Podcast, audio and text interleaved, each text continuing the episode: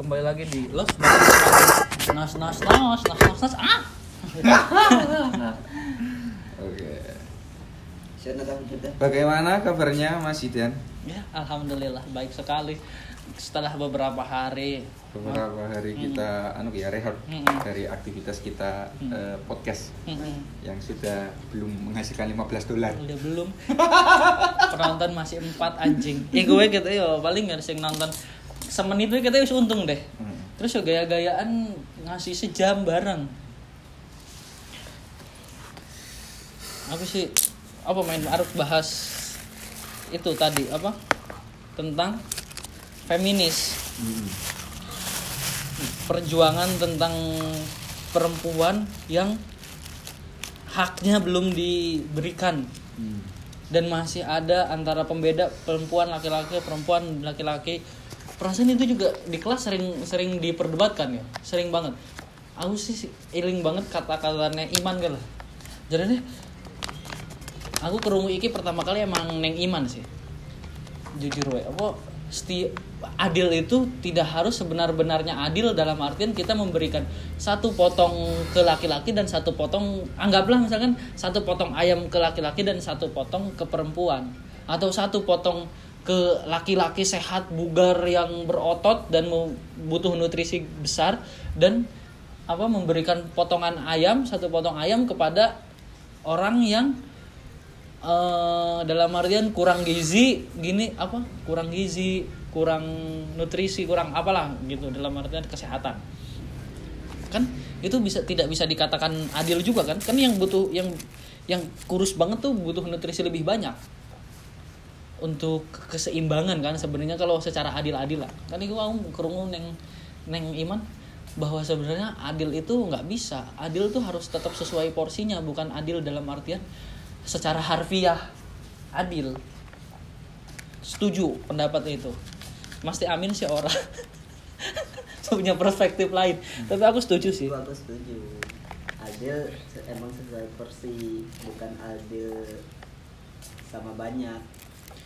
Tapi kan banyak juga pasti ya elemen masyarakat yang memaksakan bahwa adil itu adil secara harfiah iya kan yang kadang yang dituntut Karena di mereka merasa tidak puas. Percaya atau nggak percaya, Hmm. ter- sebagian besar para feminis Mm-mm. ini memper, salah satunya memperjuangkan hak itu. Hak Memper- apa? memperjuangkan adil mengenai- secara harfiah secara harfiah. Enggak, secara harfiah. Adil satu banding satu. iya ya berarti kan ha- harfiah kan secara harfiah kata-kata sesungguhnya. Mm-mm. kan kan kalau adil adil adil apa mau? Satunya lagi ah, anggaplah ada adil harfiah yang hanya diartikan sebagai katanya doang adil ya. Satu satu dua dua tiga tiga. Dan adil sesuai porsinya. Sesuai porsinya ditinjau kembali kepada siapa yang mau diadili ini gitu kan. Kalau per, berarti adil nggak ada perbandingan ya? Apa adil ada perbandingan sebenarnya? Ya pemahaman kontekstual dan akan menimbulkan persepsi yang berbeda. Hmm. namanya konteks ya. Hmm.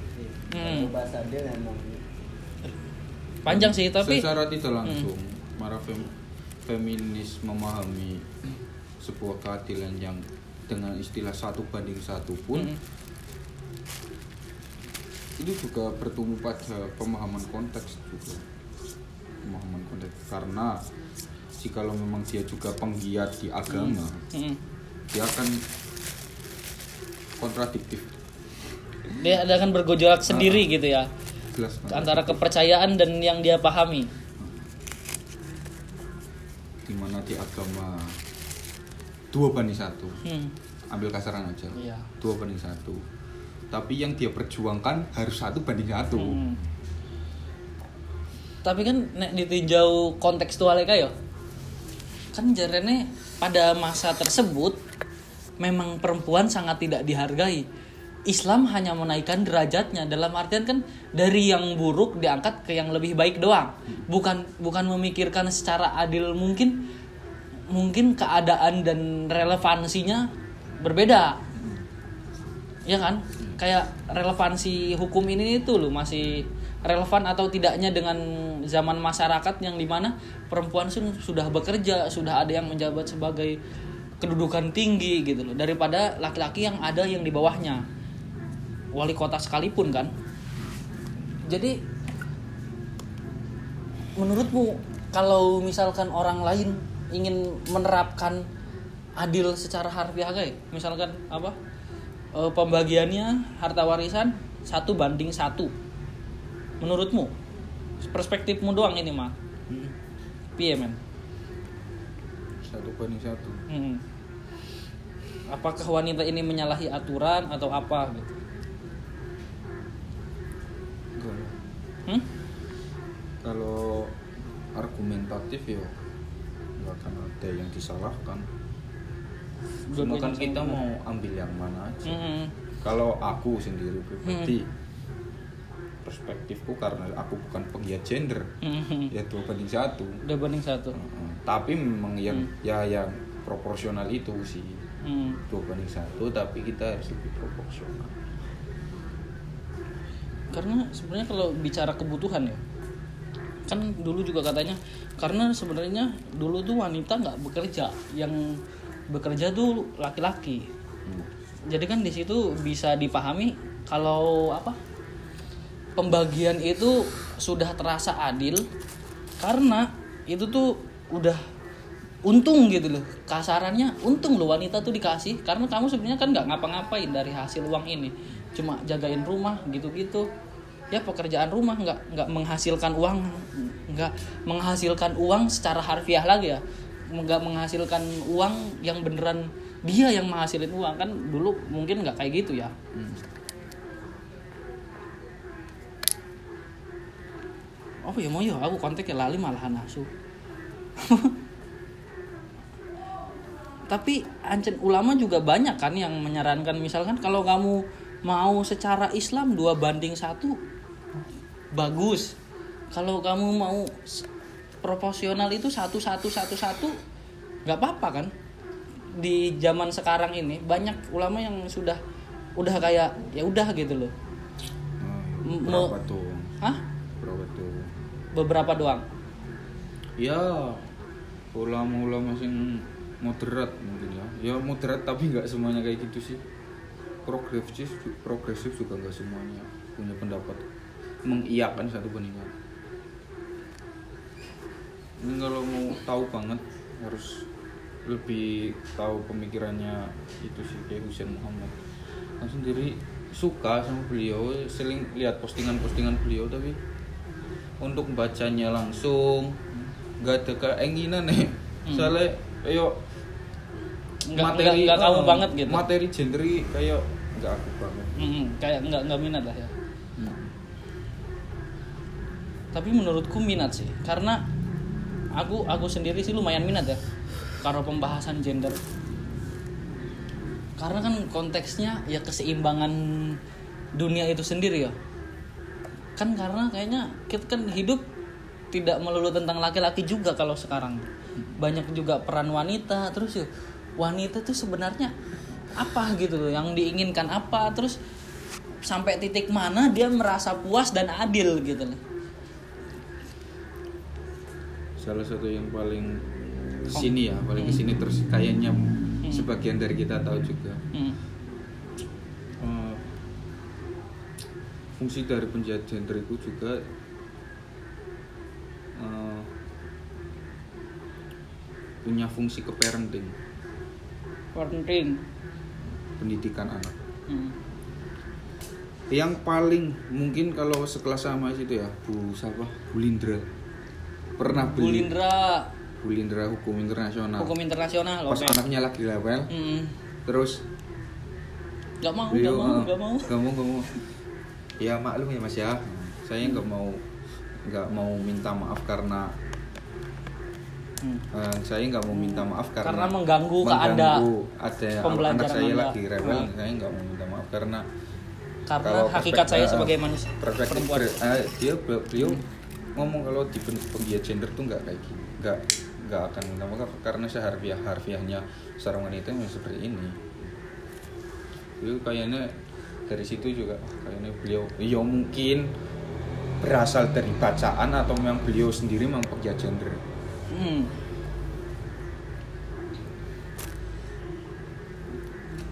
ya kan nggak melulu eh, feminis penggiat persetaraan itu Memaksakan- bener-bener bener-bener memperjuangkan persetaraan itu sendiri. Eh, bukan memperjuangkan sih banyak yang memaksakan. Banyak yang memaksakan kayak memang sebenarnya tuh mereka nggak pingin dibilang nggak nggak nggak layak.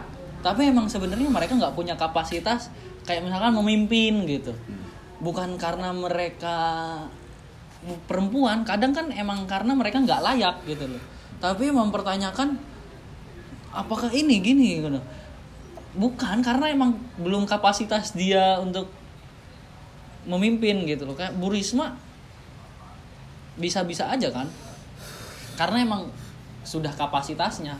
Berarti gue tipe-tipe sing setuju ada pemimpin dari wanita atau yang apa, ap- sebaliknya nggak setuju dengan pemimpin wanita? Like gue. Setuju setuju setuju dengan adanya kepemimpinan wanita? Wajar jika, sih. jika memang Hmm. punya kapasitas Hmm, punya kredibilitas hmm. nggak masalah. Tapi memang untuk penggiat-penggiat dalil sih jelas nggak masuk. Tapi kan sebenarnya banyak juga kan kisah-kisah zaman Nabi gitu yang memimpin tuh seorang perempuan gitu. Jari ini kan ono rasimen. Kayak misalkan nggak dalam artian konteks konteks memimpin suatu daerah, misalkan memimpin untuk ngapain ekspedisi apa, tapi yang memimpin perempuan gitu. saya tahu gue belum ya nggak nggak pernah denger itu Dalam kenegaraan ya. Yang Tapi kok ikut andil gak sih Hmm. yang pas Siti Aisyah yang konflik sama Ali hmm. karena tidak mau mengusut eh, kematian Utsman Oh itu pada zaman sahabat ya? perang itu apa namanya perang maksudnya kan eh, Perang kan sivil. perempuan maksudnya kan dia juga ambil peran kan di situ Mm-mm. Peran perang penting. Jamal masa bukan Jawa? perang ya maksudnya ya Jamal sih? konfliknya dia Iya. kan dia kan ikut ambil peran maksudnya eh, ya sebagai sosok wanita dia juga banyak ikut andil dalam Hmm. itu Terhadap- terhadap Ini ketidaksenangan salah satu throwback yang ada di situ mungkin. Ini salah satu awal.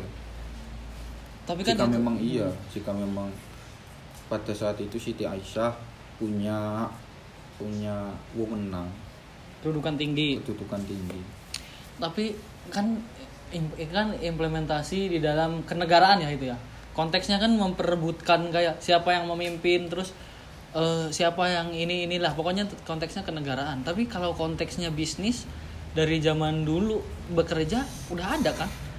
Istrinya Nabi Muhammad yang pertama Siti Khadijah bekerja dan jelas dia mempunyai mempunyai karyawan-karyawan kan.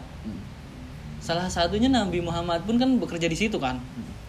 Dipekerjakan. Bukan dipekerjakan ya sebagai suami mungkin yang ngerewangi apa-apa. Berarti konteksnya kalau secara bisnis sudah ada dari zaman dulu. Kalau pada zaman Nabi, kalau apa? perempuan yang memimpin suatu bisnis. Kalau menurutku sih sah-sah aja sebagai kepemimpinan perdagangan ya. Apa bisnis bisa dianalogikan dengan kepemimpinan negara sebenarnya bisa kan menurutku ya karena kan tingkat kesuksesan bisa dikatakan gitu juga. Tetap konteksnya tuh tuh memanage orang mengatur orang mengatur uang. Konteksnya masih hal dalam sama cuma emang mungkin sistemnya berbeda pasti.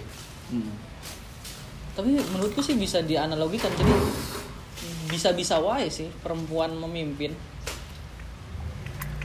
Tapi secara argumentasi cuma karena apa jaremu tekstualis ya nggak masuk gitu loh kalau cuma pakai tekstualis. Maksudnya landasannya apa gitu argumentasi berpikirnya apa? Saya bulindra. Argumentasi berpikir. Kalian analogikan sendiri saja. Tapi emang kadang tuh kelewatan feminisnya. Kayak apa-apa. Misalkan masak masakin buat suami 2020 masih masakin buat suami. Ah kok emang masak tuh kayaknya kegiatan hidup sehari-hari kan? Terus kenapa banyak feminis yang nyerang? Karena seorang wanita memasakkan mema masak buat suaminya gitu loh. Emang ono bu? No biar kayak kira ngikut ya pas di twitter. Aku sejauh ini paham tentang itu paling kayak di meme konten-konten. Tapi Ora. bukan mereka yang pantas istilah bukan mereka yang kredibel ngomong kayak gitu ya. Rata-rata orang yang memang dari dari pemahaman pemahaman itu bang. Memang tanggal ya tanggal juga. Gue malah mikirnya gini kalau di Indonesia ya kalau ngomongnya di Indonesia Hmm. Kalau untuk seorang wanita itu kayak dari awal itu udah ditanamin. Ditanamin bahwa wanita itu sumur dapur kasur. Ya Kayak pak. Ya sih dari ngerasa. awal udah ditanamin kayak gitu. Ntar wanita itu gini loh dapur sumur kasur. Jadi ketika dia keluar dari zona itu itu yang menje- menjadikan sebuah perdebatan Hmm. hal yang baru gitu. Karena pada dasarnya wanita itu udah ditanamin kamu itu nantinya di, di dapur sumur kasur gitu. Jadi ketika dia pakai ini mencoba untuk menjadi Ini hal dulu. lain kayak mulai bekerja mencari uang untuk membantu keuangan ataupun Hmm. menjadi sosok pemimpin. Kayak stigmanya malah salah. Nah, pemikiran masyarakat tuh malah ngapain sih? Gitu ya. Nah gitu itu sih masalah menurutku sih masalah emang pemikiran kolotnya itu ya. Menurut masih masih ada nggak sih menurutmu anak muda yang masih berpikir kayak gitu? Berpikir kayak apa? Banyak nggak yang berpikir kalau ya itu tadi? Apa misalkan kamu ngapain sih kuliah tinggi tinggi Hmm. maksudnya tidak nggak nggak nggak ya kasarannya tidak menganggap penting pendidikan tinggi lah gitu kalau kalau dari sepengalamannya dari Hmm. orang-orang yang pernah gua temuin Hmm. hal tersebut emang masih ada Eh, terlebih khusus itu untuk daerah-daerah kecil yang mana daerah tersebut yang mungkin bisa dibilang Pedesaan. jauh dari eh, tangan pemerintah gitu jadi seolah-olah mereka itu eh, yang sang anak mikirnya ya buat apa juga? Kuliah Hmm. tinggi-tinggi. Ntar gua juga cuma ngasuh anak cuci piring cuci baju masak ini buat Hmm. eh, buat orang rumah gitu. Dan juga orang tuanya juga berpikiran yang sama kayak gitu. Buat apa sekian tahun buat nguliahin anak? Udah biaya waktu. ngabisin duit gitu loh. Ngabisin waktu ngabisin duit. Jadi mending langsung gua nikahin aja pas Nah, mungkin banyak Hmm. terjadi nikah muda gitu jadi seolah-olah orang tua itu udah lepas tanggung jawab beban terhadap anak tersebut Hmm. ketika anak tersebut sudah dia nikahin gitu ya dengan tujuannya itu dengan catatan anak perempuannya itu ya tetap bakalan di rumah Hmm.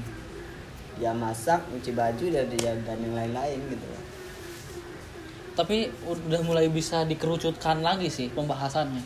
Kan tadi global kayak terlalu menyeluruh bisa maksudnya global dalam artian bisa di negara apa bisa di negara apa tentang feminis ini.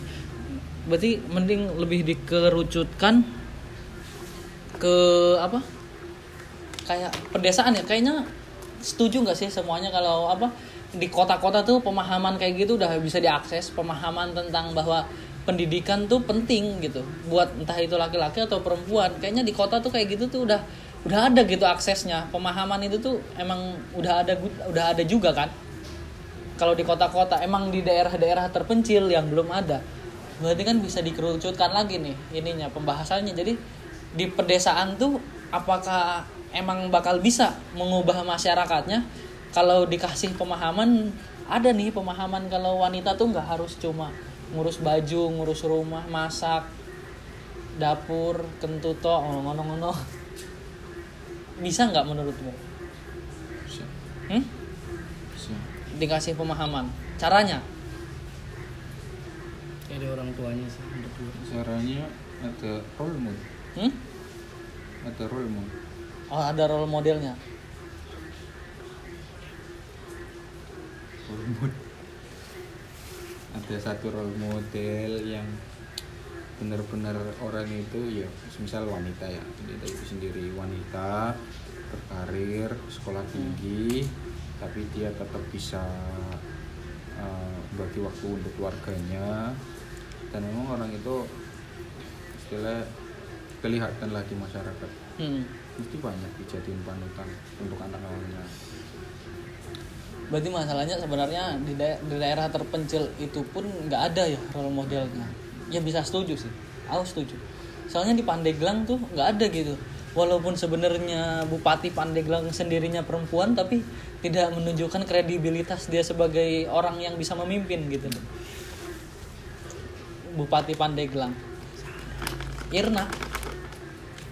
Irna kan Bupati Pandeglang tapi kayak ya atut padahal kan role modelnya padahal di Banten udah banyak gitu. Harusnya orang Pandeglang bisa lah gitu menalar itu kan ya. Wah ini nih orang wanita sukses dalam karirnya pemikirannya luas. Terus gini tapi nggak nggak nggak menjadikan nggak tapi nggak membuat wanita-wanita daerah di Banten tuh nggak bisa berpikiran seperti itu. Karena nggak bisa jadi role model karena ya. Karena nggak ngerasa tuh lihat jadinya korupsi. Tuh jadinya lihat. Irna pas kemarin jalan banyak yang rusak malah beli Arpart terus nggak lama dijual lagi udah kesebar di berita banyak hujatan langsung dijual. Ya emang butuh role model sih. Role model yang kayak kredibilitasnya wah keren sih orang ini. Najwa Shihab. Ya Najwa Shihab Sri Mulyani ya. Yang pernah yang pernah jadi keuangan PBB ya men ya? Bank Dunia. Iya Bank Dunia PBB tapi akhirnya ditarik lagi jadi Kementerian Keuangan Indonesia mau lagi. Dan sekarang udah nggak lagi. Gak lagi apa? Kan diganti kalau nggak salah. Oh, Eh, masih. yang diganti tuh oh kira itu juga diganti Kan? Banyak yang diganti kan? Yang diganti kan yang emang nggak kerja. Enggak Wisnu Tama yang di reshuffle kan? Di setelah sekian lama dikritisi untuk secepatnya reshuffle akhirnya terjadilah tahun ini kasih 2020 kemarin reshuffle akhir-akhir. bagi kursi menteri. Banyak juga kan yang kayak katanya apa ya embel-embel kaum milenial yang memimpin gitu kaum milenial yang mengatur.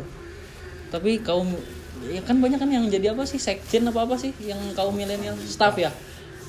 Tapi malah ternyata kesandung juga. Ya susah sih. Proyek.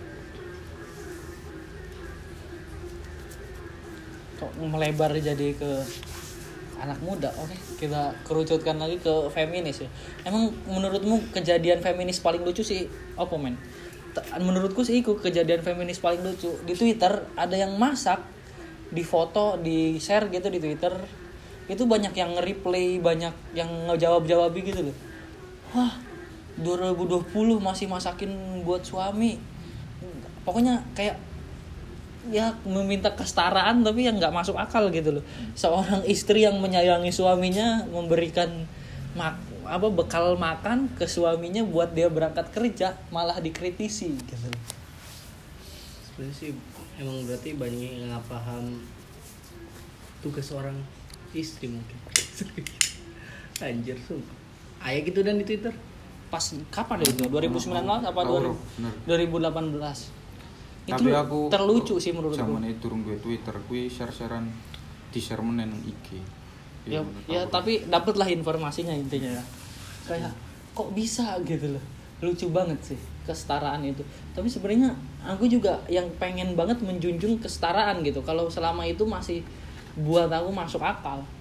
Ya kayak pendidikan kayak kenikmatan tadi. Kenikmatan perempuan yang diambil nggak terjadi di Indonesia. Disunat. Hmm? terjadi di budaya tradisional Indonesia. Yang memegang tradisi keislaman. Kan menurutmu piye emang men? Nih di di wanita disunat. Aku orang bayang sih Hmm? sumpah. Soalnya koyo Gimana? laki-laki disunat Hmm. kayak sebuah anu ya emang kesehatan malah Heeh. kita ngelihat tuh kayak wis ya wis biasa lah bahkan di luar Islam pun podo sunat nek lanang aku wedok sama sekali belum pernah dulu- kayak dulu Di wedok. desa ente nggak ada cewek yang sunat gue gitu. dulu wedok Rano eh ono tapi nyong aku sering krungu enggak, aku sering eh, aku sering dengar kalau cewek itu disunat cewek itu disunat tapi Cuma nggak pernah denger tok. eh, cuma denger tok nggak pernah ngelihat kejadian asli sih eh tapi gue ora tahu dulu kejadian iya ndek nih disunat. Atau Tapi kan ada emang, perayaannya. emang wanita disunat tuh nggak ada perayaannya. Lah iya aku sih nggak beto Hmm. terus memang bener-bener kayak pembeda banget lah dari Hmm. kebiasaannya khitan sama khitannya Hmm. laki-laki. Kan tujuannya hitan laki-laki kesehatan. Hmm. supaya nggak itu juga dari segi kalau misal keislaman biar kencing sisa kencing itu nggak nempel di badan. Hmm. kayak gitu ya pokoknya banyak lah manfaatnya emang kalau sunat laki-laki. Tapi kan sunat perempuan ya yang masih aku tahu ya. Mungkin ada kajian lain tapi yo kajian-kajian maksudnya pengetahuanku cuma sebatas bahwa itu tuh untuk menekan rasa keinginan dia menikmati hal yang nikmat gitu. Eh, terus menekan dia untuk tidak terlalu apa sih dalam artian sang sangian deh libido ter, libidonya terlalu tinggi gitu untuk mengantisipasi hal-hal tersebut. Sedangkan kan itu kayaknya hak dia gitu untuk menikmati hal itu. Dalam Islam pun itu kan masih rancu. Wawan lu tahu bahas itu. Nek salah yo. Aku tahu kerungu Wawan bahas itu neng usul fikih tapi. Soalnya itu bagian bagian aku apa ya eh, lumayan minati gitu loh. Jadi aku kerungu. Mungkin lali yo.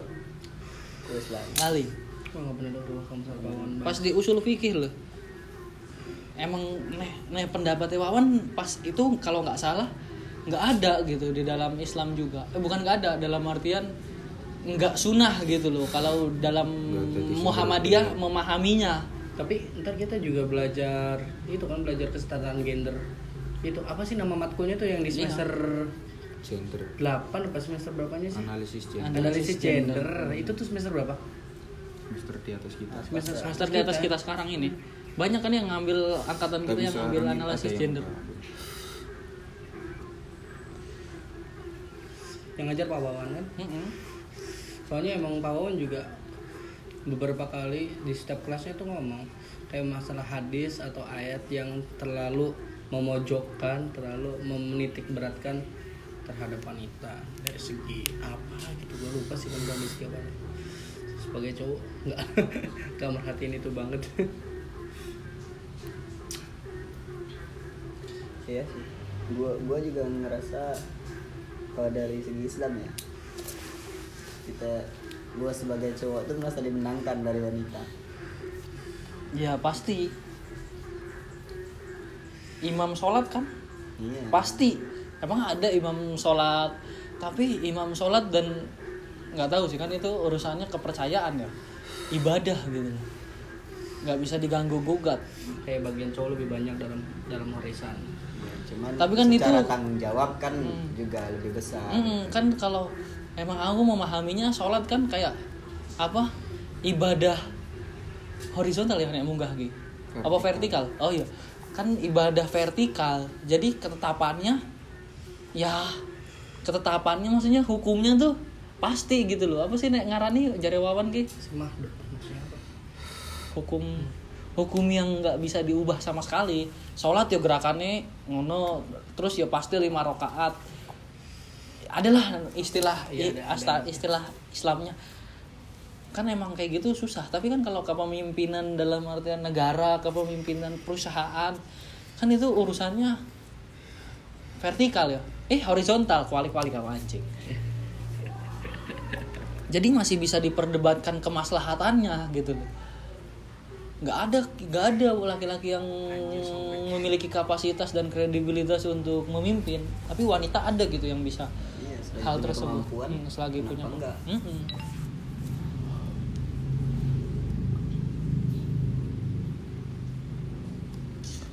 Piye, men? lima Feminis. Kejadian lucu feminis yang nggak masuk akal lagi apa ya? Maksudnya kayak ini tuh nggak perlu diperjuangkan gitu loh. Apa men?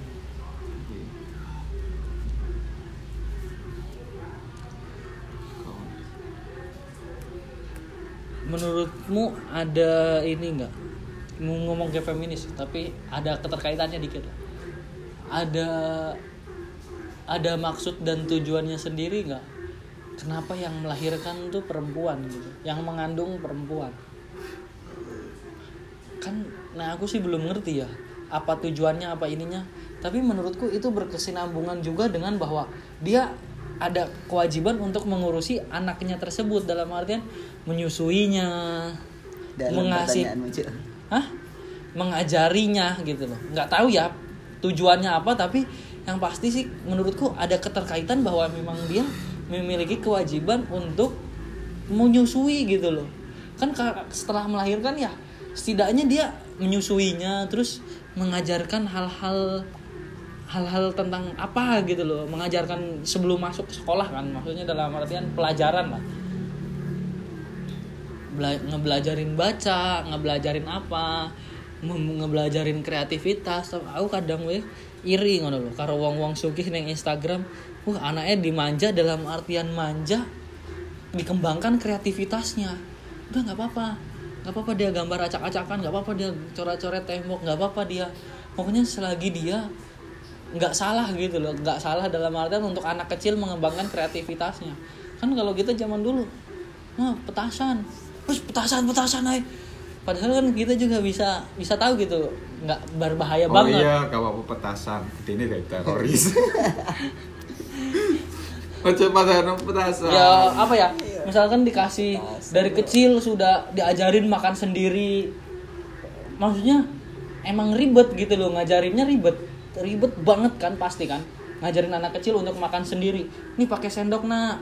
Ya udah kalau nggak mau pakai sendok pakai tangan. Coba makan sendiri. Tapi kan nanti ke depannya dia ada dalam dirinya tertanam kemandirian gitu kan. Terus misalkan orang tuanya beliin alat-alat musik lengkap tonton nada jadi bisa mengerti duk duk duk duk. Jadi maksudnya semua kreativitas bisa dia ketahui lah asah. Nanti setelah dia besar barulah gitu menyadari oh ini minatku yang sebenarnya. Tapi kan menurutku sih emang orang tugas orang tua untuk memberikan fasilitas itu gitu loh terlepas dia mampu atau tidak keuangannya tapi bisa diakali lah kayak gitu kan Hmm, tapi orang- dibiarkan tapi main orang gitu orang tua juga punya ambisi guys. pengen anaknya menjadi ini Hmm. sehat nggak menurutmu keluarga yang seperti itu Iya sehat-sehat aja sih kalau segi ah, kalau memang si anak juga mau melaksanakan apa yang dituntutkan sama orang tuanya. Iya mau tapi dia punya impian lain. Bagaimana menyeimbangkan dua hal itunya. Kan menurutku sih kalau udah gede ya udah udah bisa berpikir udah bisa menalar sudah cukup besar tuh orang tua punya ambisi. Dia punya tujuan. Bisa aja itu dua hal yang berbeda kan? Bisa aja itu sama-sama gitu. Tapi kan banyaklah kejadian dua bahwa jalannya beda gitu ambisi orang tua dan tujuan dia gitu banyak kan hal yang ada kan yang berbeda lah solusi atau enggak permasalahannya gimana menurutmu Nah solusi aku Mm-mm. mungkin pernah cerita ya ketika punya keinginan ini A Hmm. orang tua aku punya keinginan B Hmm. A dan B hal yang baik sama-sama hal yang baik Hmm. Ya. nggak ada madorotnya Hmm. tapi kenapa kok orang tua tetap berkehendak untuk tetap memilih B Hmm. nggak mendukung si anak untuk ke jalur A Hmm. iya nek seketika itu aku langsung sisuk Ya. nanti besok aku kalau jadi orang tua kalau ada kepenginan anakku kepenginan yang bagus aku akan Support. dukung. Dukung. aku akan dukung kita mikirnya seperti itu sekarang aku juga mikirnya seperti itu kau mikirnya apa ya men Hah? ya setidaknya dari tiga orang kita ini mikirnya seperti itu ya. Kita punya keinginan orang tua punya keinginan terus dari situ kita belajar. Nanti anak kita nggak bakal nggak bakal tak giniin gitu. Nggak bakal dibuat di posisi kayak gini. Aku tetap dukung yang dia inginkan. Tapi aku utarakan juga tetap tak utarain. Mungkin walaupun aku punya ambisiku ya sebagai orang tua tetap tak utarain. Aku tuh sebenarnya pengen kamu ini gitu tapi aku tetap dukung apa yang kamu mau gitu Ini aja terlalu frontal kayak Reza Arab Singkatannya dari kecil anaknya mau dilihatin bokep Biar sex education Sex education nggak berasal dari bokep juga Hmm. Sangat tolol sekali kadang influencer-influencer Sex education ini kan mana yang baik dan mana yang benar. Maksudnya education tuh dikasih tahu buruknya, iya. dikasih tahu baiknya. Lah, sing contoh paling konkret, sing Hmm. baru kemarin sa- kita lihatlah Ah. itulah si Dokter Tirta Hmm. dari kecil itu anaknya diajarin ini titit Hmm. jangan dipegang sama orang lain kalau ada yang pegang langsung teriak langsung marah jangan sampai Hmm. si itu casing yang tegas dan langsung mengena Hmm. Dan substansinya jelas. substansinya jelas Nggak bokep yang dikasih lihat. Terus apa gitu loh. Itu kecil, mau cuma nanti belajar anak gua ngewe. dari kecil mau gue lihatin bokep. Kan sex education anjir. Oke lah open minded nah ini ojo kebobroan nek open. Nanti semua nanti dari kecil anak gua mau gua ajarin semua agama. Karena pada dasarnya semua agama itu baik yang jahat itu orangnya yo oke lah masuk ya saya yakin sekarang aja dia masih bingung dengan apa yang dia yakini Ya pasti sih. Banyak pemikiran tuh malah tambah bingung sebenarnya. Hmm, Kecuali punya so- prinsip dasar sangat- yang kuat. eh, dia sangat bingung entah dia sekarang so- so- soalnya semua apa pun dia pelajari kayak Buddha dia pelajari pertama Islam Hmm. karena basicnya Islam Islam pelajari Kristen pelajari ka- malah kadang sering pakai salib salib menunggu salib. Terus sering, oh my Yesus menunggu Hmm. Buddha pelajari Hmm, bobrok bobrok cukup lah untuk orang tua nggak usah ngajarin bobrok ke anak maksudnya. Hmm. Nah, yos jadi lahan untuk apa?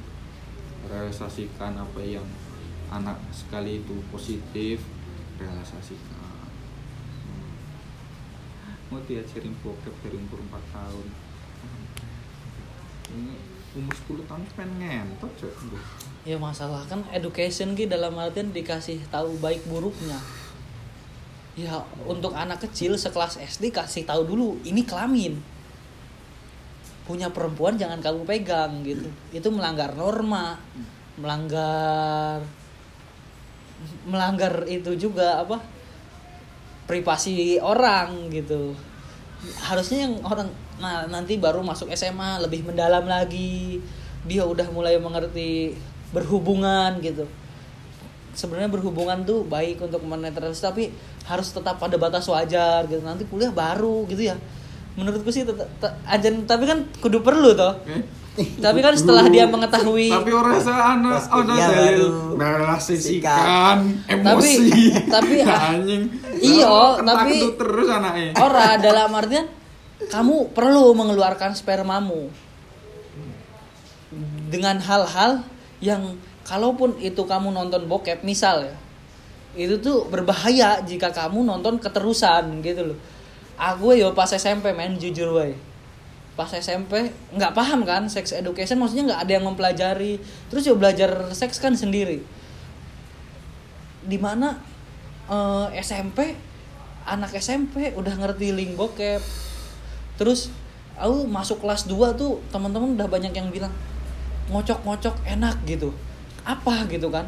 Kan kayak gitu kalau kamu nggak ngajarin ke anak kamu ya diajarin orang lain sama aja sih diajarin orang lain tapi dengan apa substansi yang kadang salah.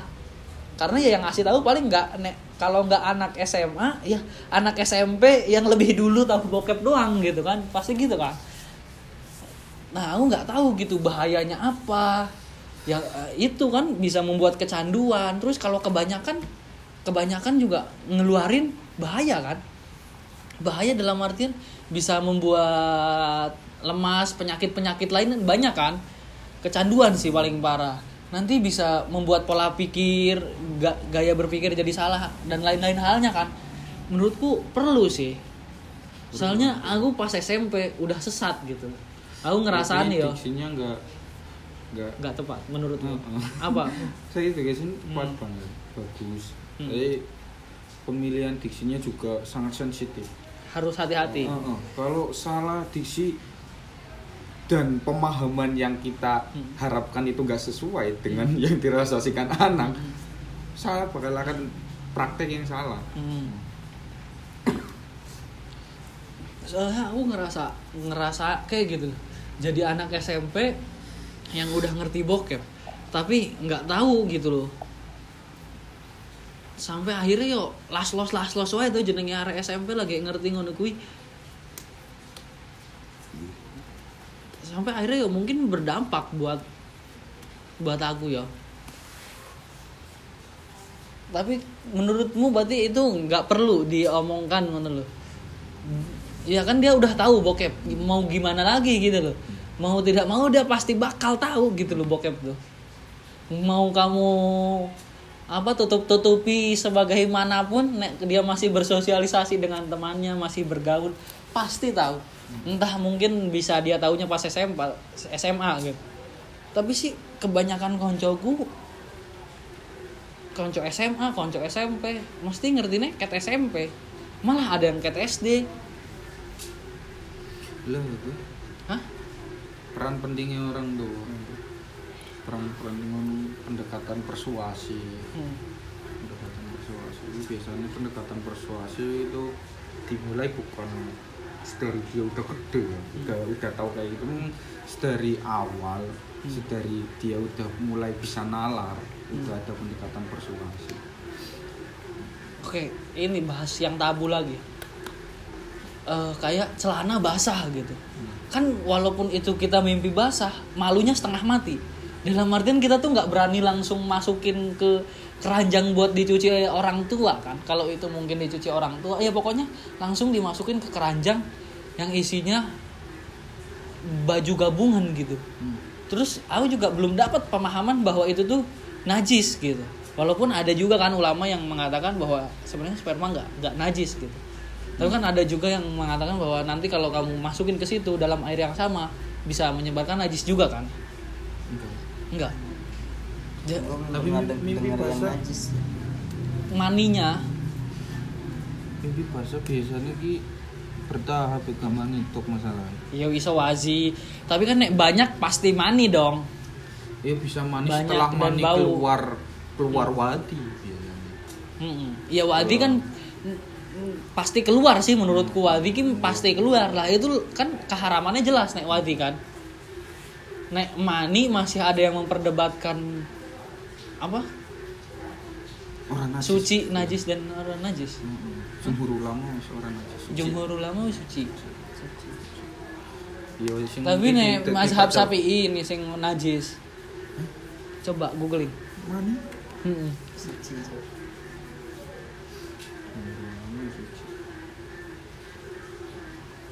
mazhab syafi'i tentang mani. Sperma. Hmm. Mazhab Syafi'i tentang sperma najis atau tidak.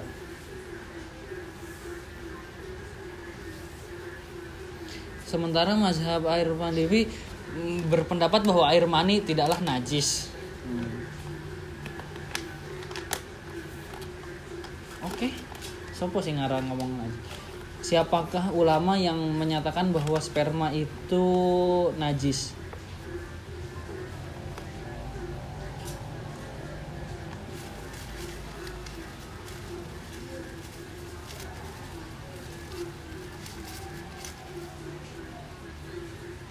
Imam Maliki, Abu Hanifah, Sauri, Auzi'i mengatakan bahwa sperma hukumnya najis.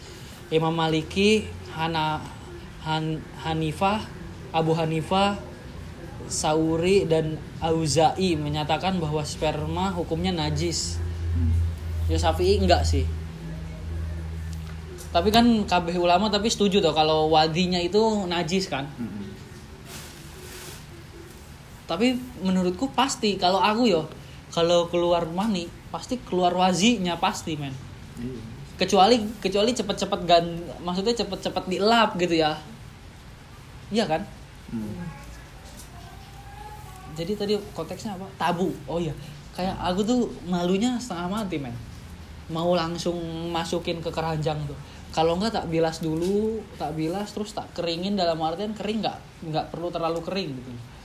Tapi nggak ketahuan kalau itu ada bekas mani gitu dan orang tua pun kayak nggak pernah tanya gitu. Maksudnya ya mungkin tabu juga ya. Tapi kan kayak gitu tuh pasti kan kita keluar mani itu. Hmm. terus kan kita kadang juga ibuku nyeletuk kadang.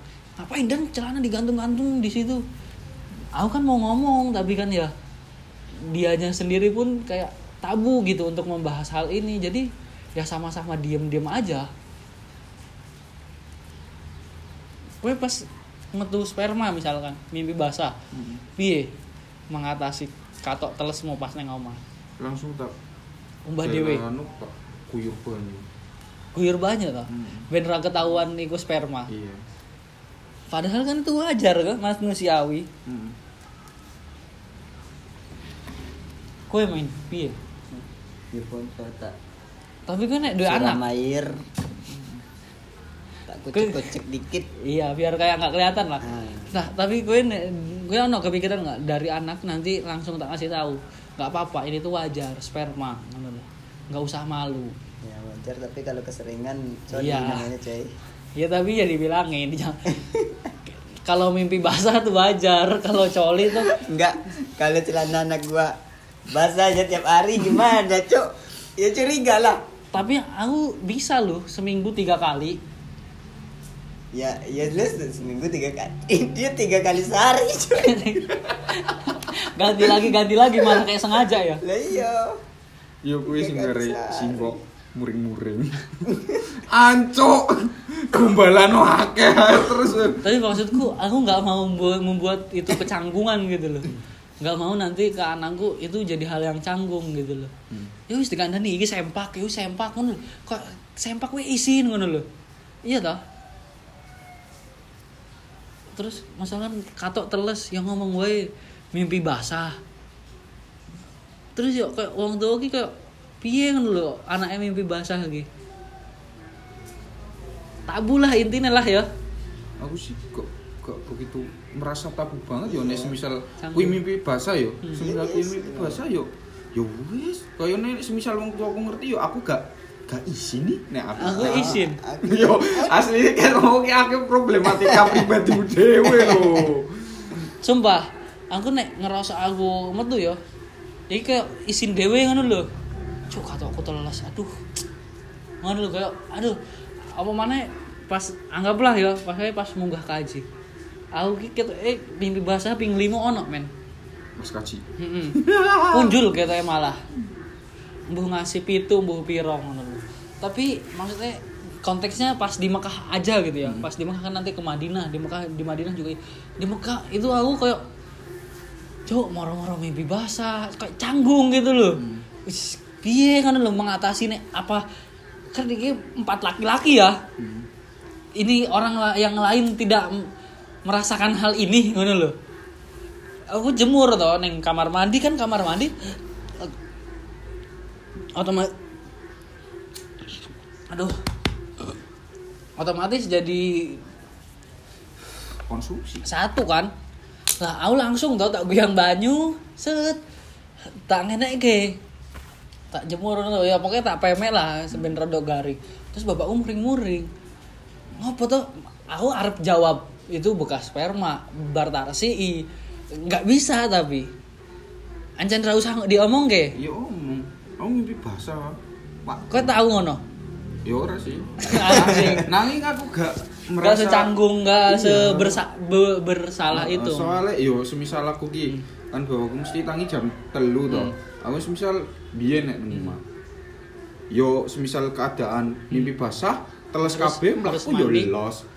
Bapakku papasan bar kong. Ser, Ya aku biasa. biasa biasa. aku ra iso men kok ngono aku kadang Soalnya kan bapakku kayaknya gak sekritis dan sekiller kuwi sih. Oh, ki ngopo to ora juga sih. se- soalnya aku arep adus we ki kan kudu adus toh nek arep Iya. salat subuh. Kadang ki aku macak salat subuh tok ngono lho. Ya wis wudu wae ngono lho tapi kan rasa. Terus yo percuma aku sholat juga toh.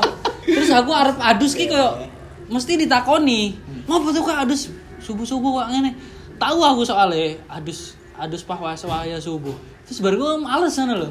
Iya. kayak di nyengak disengai ngono lho. Yo aja terlalu terpaku nih karo metu sperma nih cuk. Ngomong mimpi basah pak. Iya tetap wae. Kan intinya metu sperma toh. Lho, mimpi ki basah. dari pengucapan ki akan Yo aku kepikiran ngomong mimpi basah pun kepikiran. Cuma tetep wae men.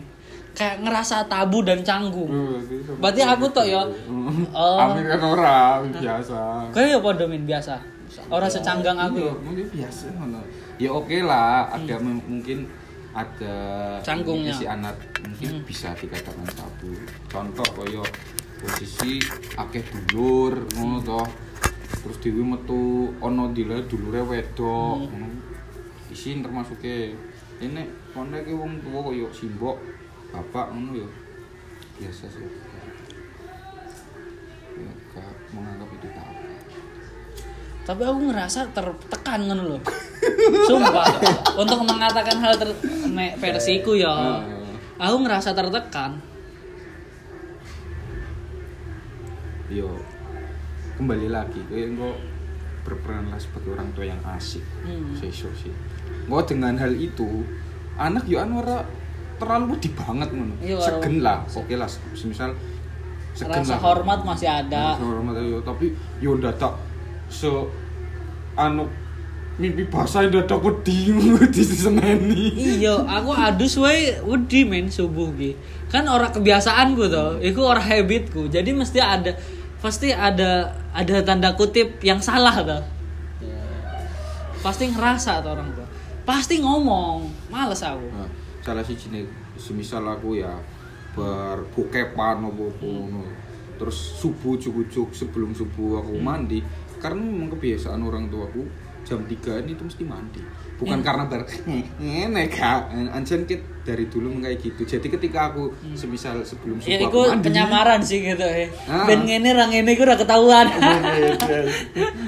Langsung bajingan nah kui aku mandi pun nggak masalah nggak akan dianggap ya tapi sih lu Ora, tapi kok emang kebiasaanmu ngono juga Mas yo. Enggak, enggak, enggak. Kadang mandi, kadang enggak. Yo tergantung nih. Semisal berpokepan apa ora yo. Berpokepan. Ya ora gini, maksudnya Aduh, kowe ora bokepan. Tak tahu ora kowe mandi subuh. jarang kecuali puasa. Pas puasa. Karena memang aku habis subuh langsung ke pasar tuh curhat sedikit. Aku ora tahu soalnya. Mandi subuh. Belum pernah terjadi dalam hidupku. Dalam artian di kayak aku orang ngopo-ngopo moro-moro pengen wae mandi subuh ngono, enggak ada acara apa, enggak ada apa. Bukan kebiasaanku ngono mandi subuh. Jadi pasti ada yang dipertanyakan. Terus tahu juga masalahnya aku tahu mandi terus disengai ngono loh.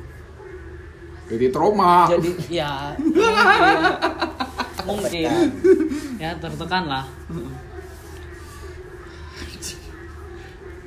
Raiso sih aku kayak ngomong aku bermimpi basah tabu banget canggung tabu terus aku ya rawani ngono loh apa ya mana ya berarti aku ngerasanya semua cowok seperti itu ternyata aku doang.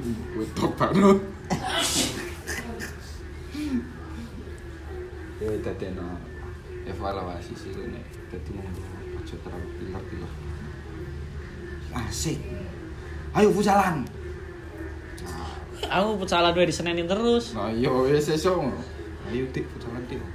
aku futsalan bengi toh misal futsalan bengi olahraga bengi-bengi ra sehat olahraga bengi-bengi ki olahraga ki esuk-esuk sore-sore ngomongin ngono olahraga aku sore-sore hei malah olahraga nanti toko rame Serba susah. serba salah boy Anjir. serba salah Anjir. tapi nek isu ora tahu salah sih Hmm. ya nek isu jogging ya kadang ora apa-apa ya kan aku Esuk esuk kon ngrawang gue sarapan malah jogging. mesti ma- maksudnya gini mesti salah. Berangkat bengi. Ngapa tuh salat rasa sehat. Bengi-bengi gini olahraga gue malah olahraga bengi-bengi. Mana tuh sore aku mangga sore. Masa toko lagi rame malah kue mangkat. Anjing susah amat ya. Aku kadang pun pas jogging karo masku, akhir-akhir iki yo wingi-wingi. Pas jogging karo masku, aku masih lagi semangat nol lima putaran. Eh dan balik dan, saya aku wis balik sih wae, aku wis dentani bapak gitu, mesti diseneni aku. Soalnya ada jadwal-jadwal nek mulai mul- wis mulai mulai tahun akhir apa tahun-tahun kemarin ada jadwal kok sing buka toko sopo ngono lho. Bapakku buka toko ki mung dino opo ngono lho, mung dua hari. Berarti ono Sisane masku. Ono jadwale kabeh. Ya ora sih jadwal cium, cuma paling omongan Oh, toh. omongan WA, WA keluarga. Orang dari beda keluarga tapi maksudnya bisa ada perjanjian dulu antara masku karo bapakku. Jadi kok kowe kok kowe lah salah. Masku sing buka pokoknya bapakku ki nek salah buka toko iki seminggu mau ping pindo ngono lho. Sing rono awal dhisekan ngono. Bapakku pengen iki ning omah se salat duha se tenang se ngaji se. Engko jam 09.00 jam piro lagi mangkat. Wow. Kiai sekali. Kayak arti wae nih. Kayak arti wae. Saben dino kerungune mesti nek ora ceramah ya bapakku lagi ngaji Quran bul takbel tuh. Bi, bi bismillah la la Wasa. iya nek ora bismillah. Maksudnya surat-surat dalam Al-Qur'an ngono lho sing wonge ora tau diwaca ki can maca Qur'ane masih masih iki lah kurang.